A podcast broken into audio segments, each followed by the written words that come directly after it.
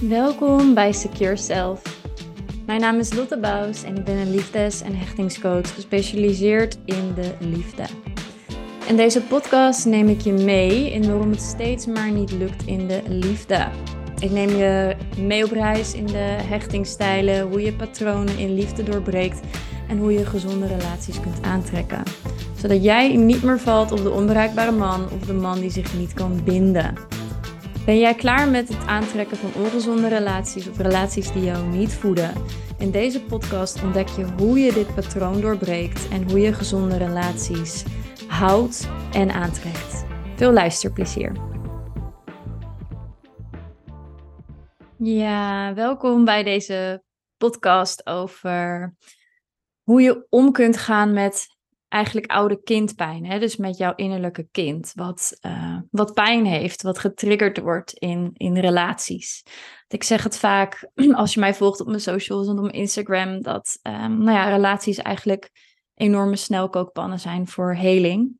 En dat relaties jou eigenlijk als geen ander kunnen triggeren in pijn die er eventueel nog zit van vroeger en die jij uh, nog niet hebt opgelost.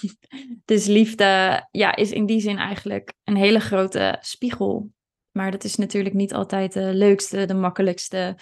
Uh, ik begeleid mijn cliënten er ook vaak doorheen om die spiegel te zien van hé, wat gebeurde er nou in die vorige relatie? Hè? Wat, wat, um, wat daarvan herken je bijvoorbeeld in jouw ouders, in je vader, in je moeder en um, ja, mochten je emoties er zijn, hoe werd er op jou gereageerd en hoe is de uh, relatie die je hebt of misschien hebt gehad een spiegel van, van vroeger.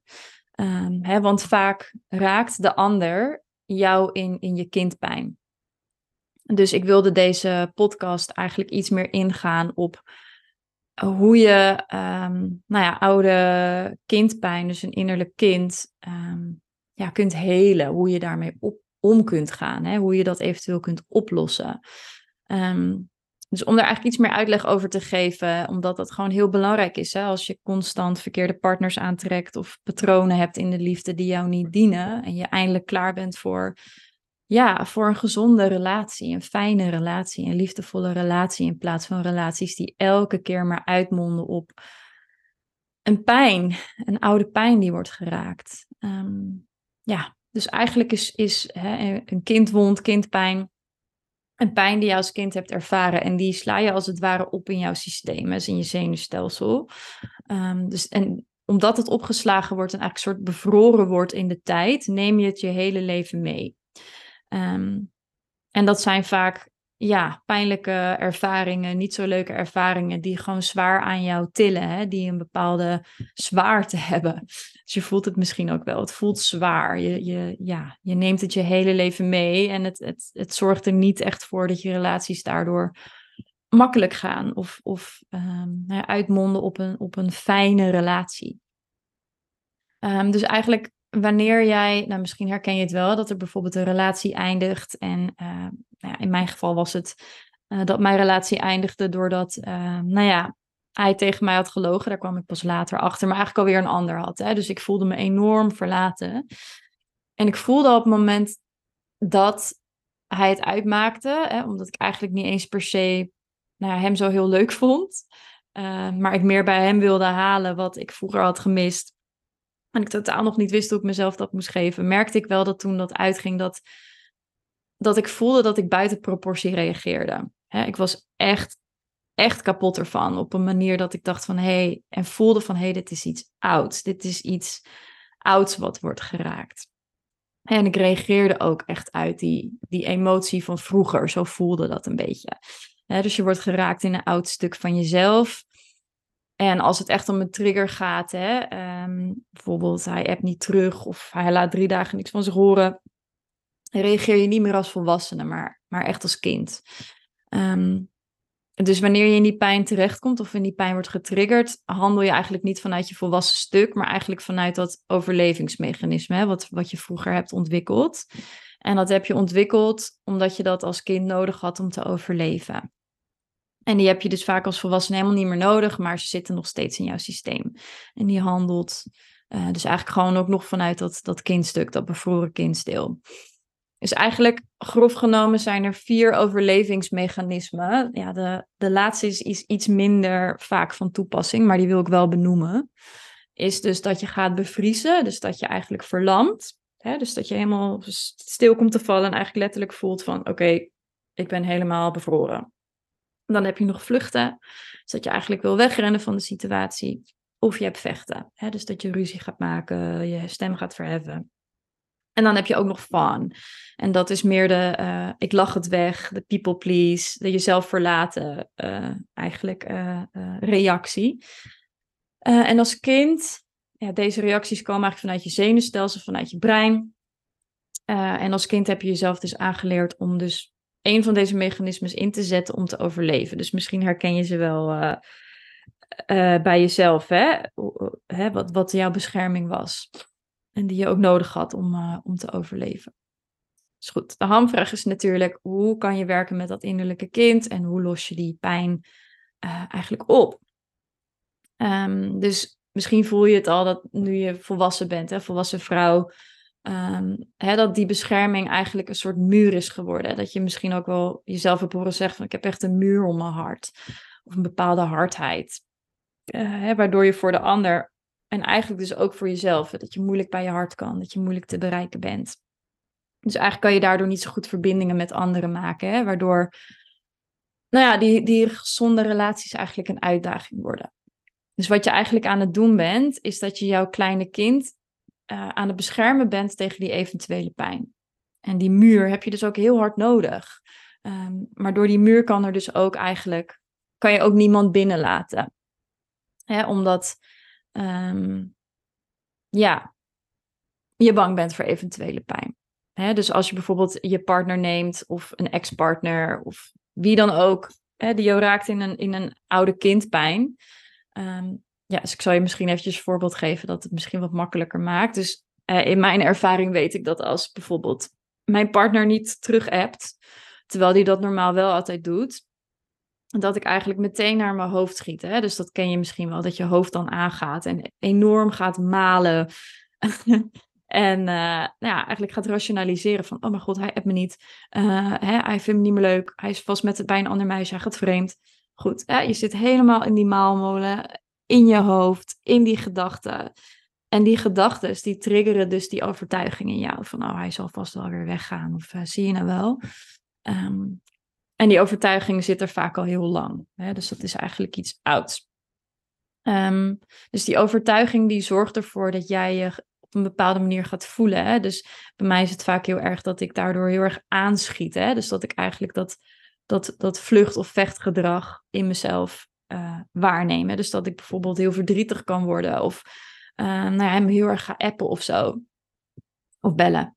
En vanuit die emotie hè, ga je dus uh, ja, op een bepaalde manier gedragen.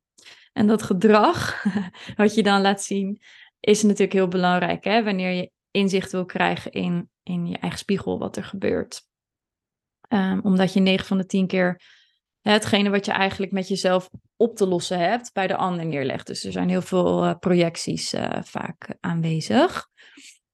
En in plaats van dat je nou dat vertrouwen hebt um, hè, en dat je weet van, nou, ik vind me echt wel leuk, hij heeft het waarschijnlijk gewoon druk.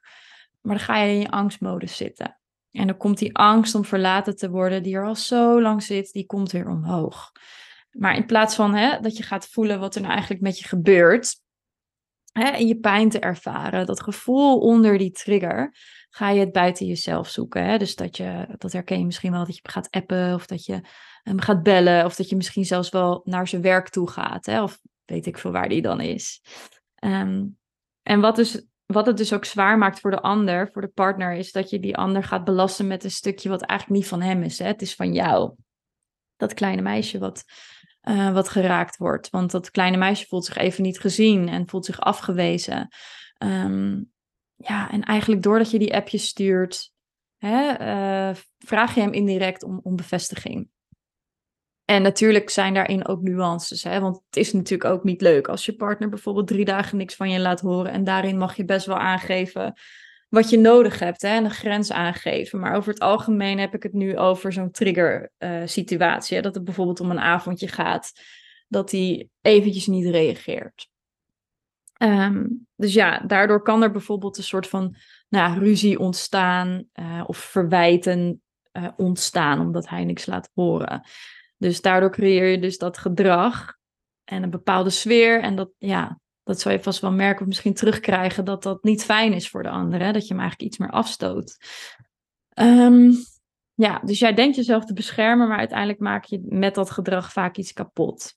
Ja, zo is het helaas, uh, helaas wel. Dus hè, misschien herken je jezelf hierin en denk je van, ja, maar wat moet ik dan doen? Weet je, als ik geraakt word in, in een kindstuk, hoe, hoe los ik dat dan op? Um, dus wat eigenlijk het belangrijkste hierin is, is dat, dat de verbinding met jezelf uh, weer hersteld wordt. Hè? Want je ziet dat je projecteert op de ander, wat eigenlijk van jou is. Um, en, en het is eigenlijk zaak dat je het niet meer bij die ander neerlegt, maar dat je die pijn gaat zien als, als jouw pijn. Hè? En natuurlijk is daar een, een dingetje in, of ja, een mogelijkheid in dat je met hem deelt wat het met jou doet.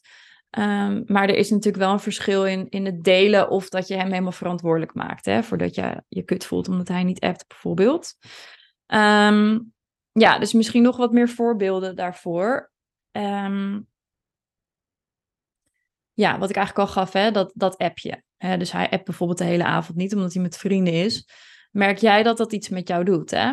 Dus je stuurt hem een appje van, nou oké, uh, leuk hè, dat je, dat je me even een appje stuurt. Of, uh, hoi, hoe gaat het? Weet je, het zijn eigenlijk van die kleine soort van onderuitse sneertjes. Dat je voelt van, oh ja, ik leg daar eigenlijk een soort beklag op hem. Het heeft een soort van lading, hè? Um, ja, vaak wekt het natuurlijk wel een beetje irritatie op bij die ander. Eh, terwijl het eigenlijk van jou gewoon een, een schreeuw om aandacht is, hè, om bevestiging is. Um, en hij heeft eigenlijk, hij denkt gewoon van, joh, wat, doe je, weet je wel? Ik ben gewoon met mijn vrienden. Um, ja, en dat je eigenlijk het omgekeerde krijgt van wat je, wat je wilt. Um, nou ja, dat is eigenlijk een voorbeeld. En om nog een voorbeeld te schetsen, dat je hem, uh, nou ja, bijvoorbeeld belt of je ziet hem de volgende keer. Um, en dat je dan zegt van, hé, hey, ik merk dat ik het jammer vind als ik niks van je hoor. Ik ben in het verleden veel gekwetst. Het raakt me in een oude pijn. Hè, jij kan er niks aan doen, maar ik wil toch graag dat je het weet. Hè, en dat je me begrijpt in mijn gedrag en mijn gevoel. En nu, vaak voor een man met bindingsangst, uh, kan dit alsnog zwaar voelen. En, en dat hij denkt van, ja, oké, I'm out. Um, maar dan is het natuurlijk ook maar de vraag of je bij zo'n man wil zijn, hè, waar je niet kwetsbaar bij kan zijn. Maar vaak een man, en dat merk ik ook in mijn eigen relatie, als dit bijvoorbeeld gebeurt, dan heeft hij gewoon begrip, hè, als ik ook mijn gevoel daaronder kan uitleggen.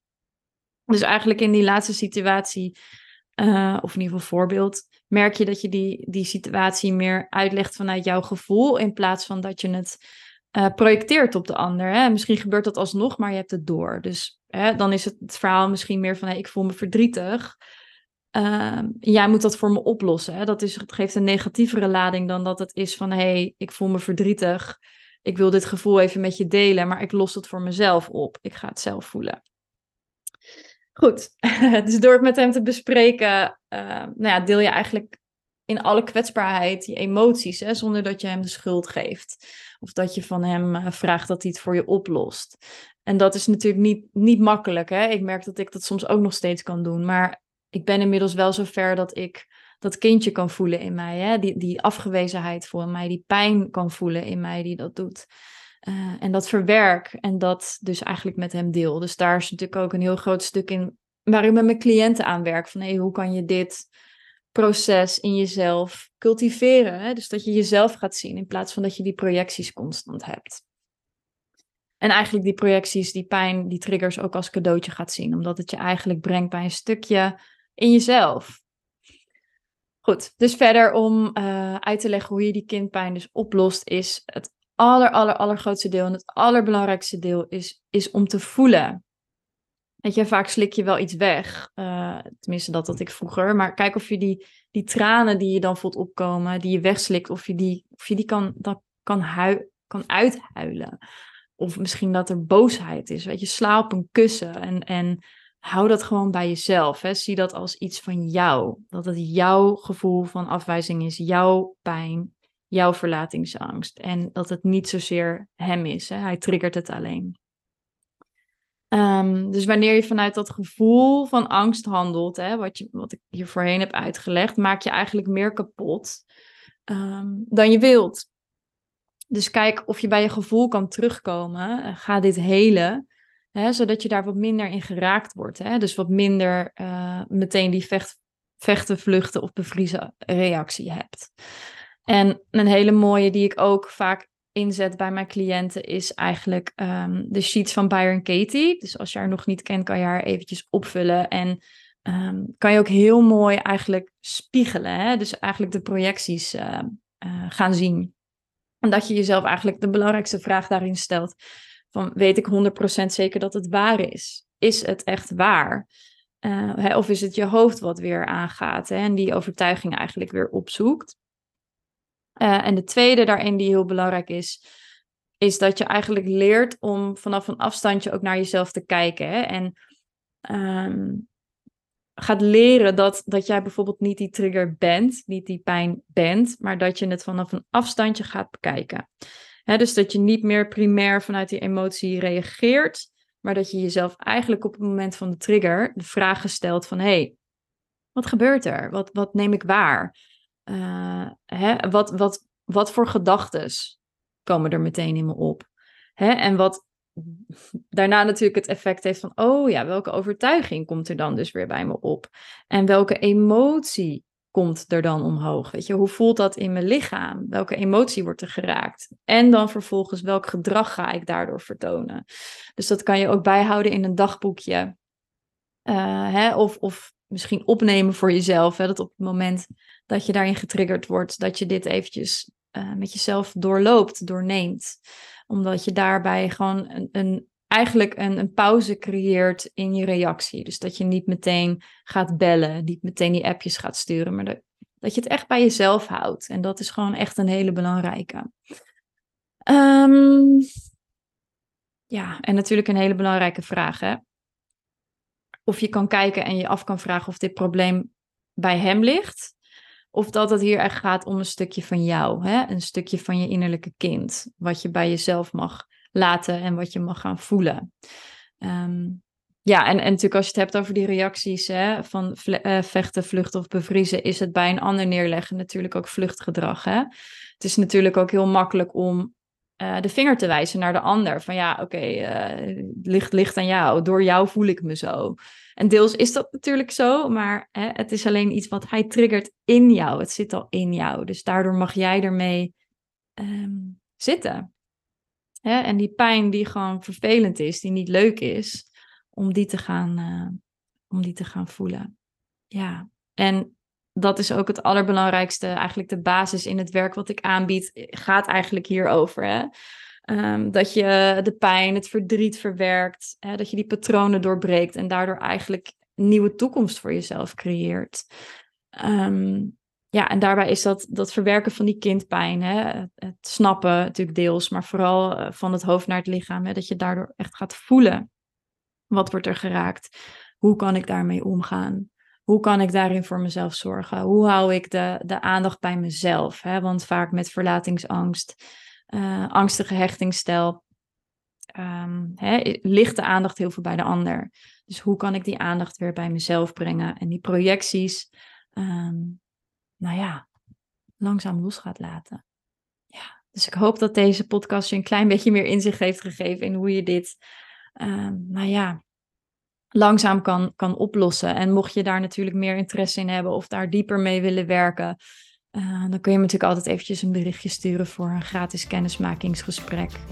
Uh, dus ik wens je nog een hele fijne dag. Bedankt voor het luisteren en tot de volgende.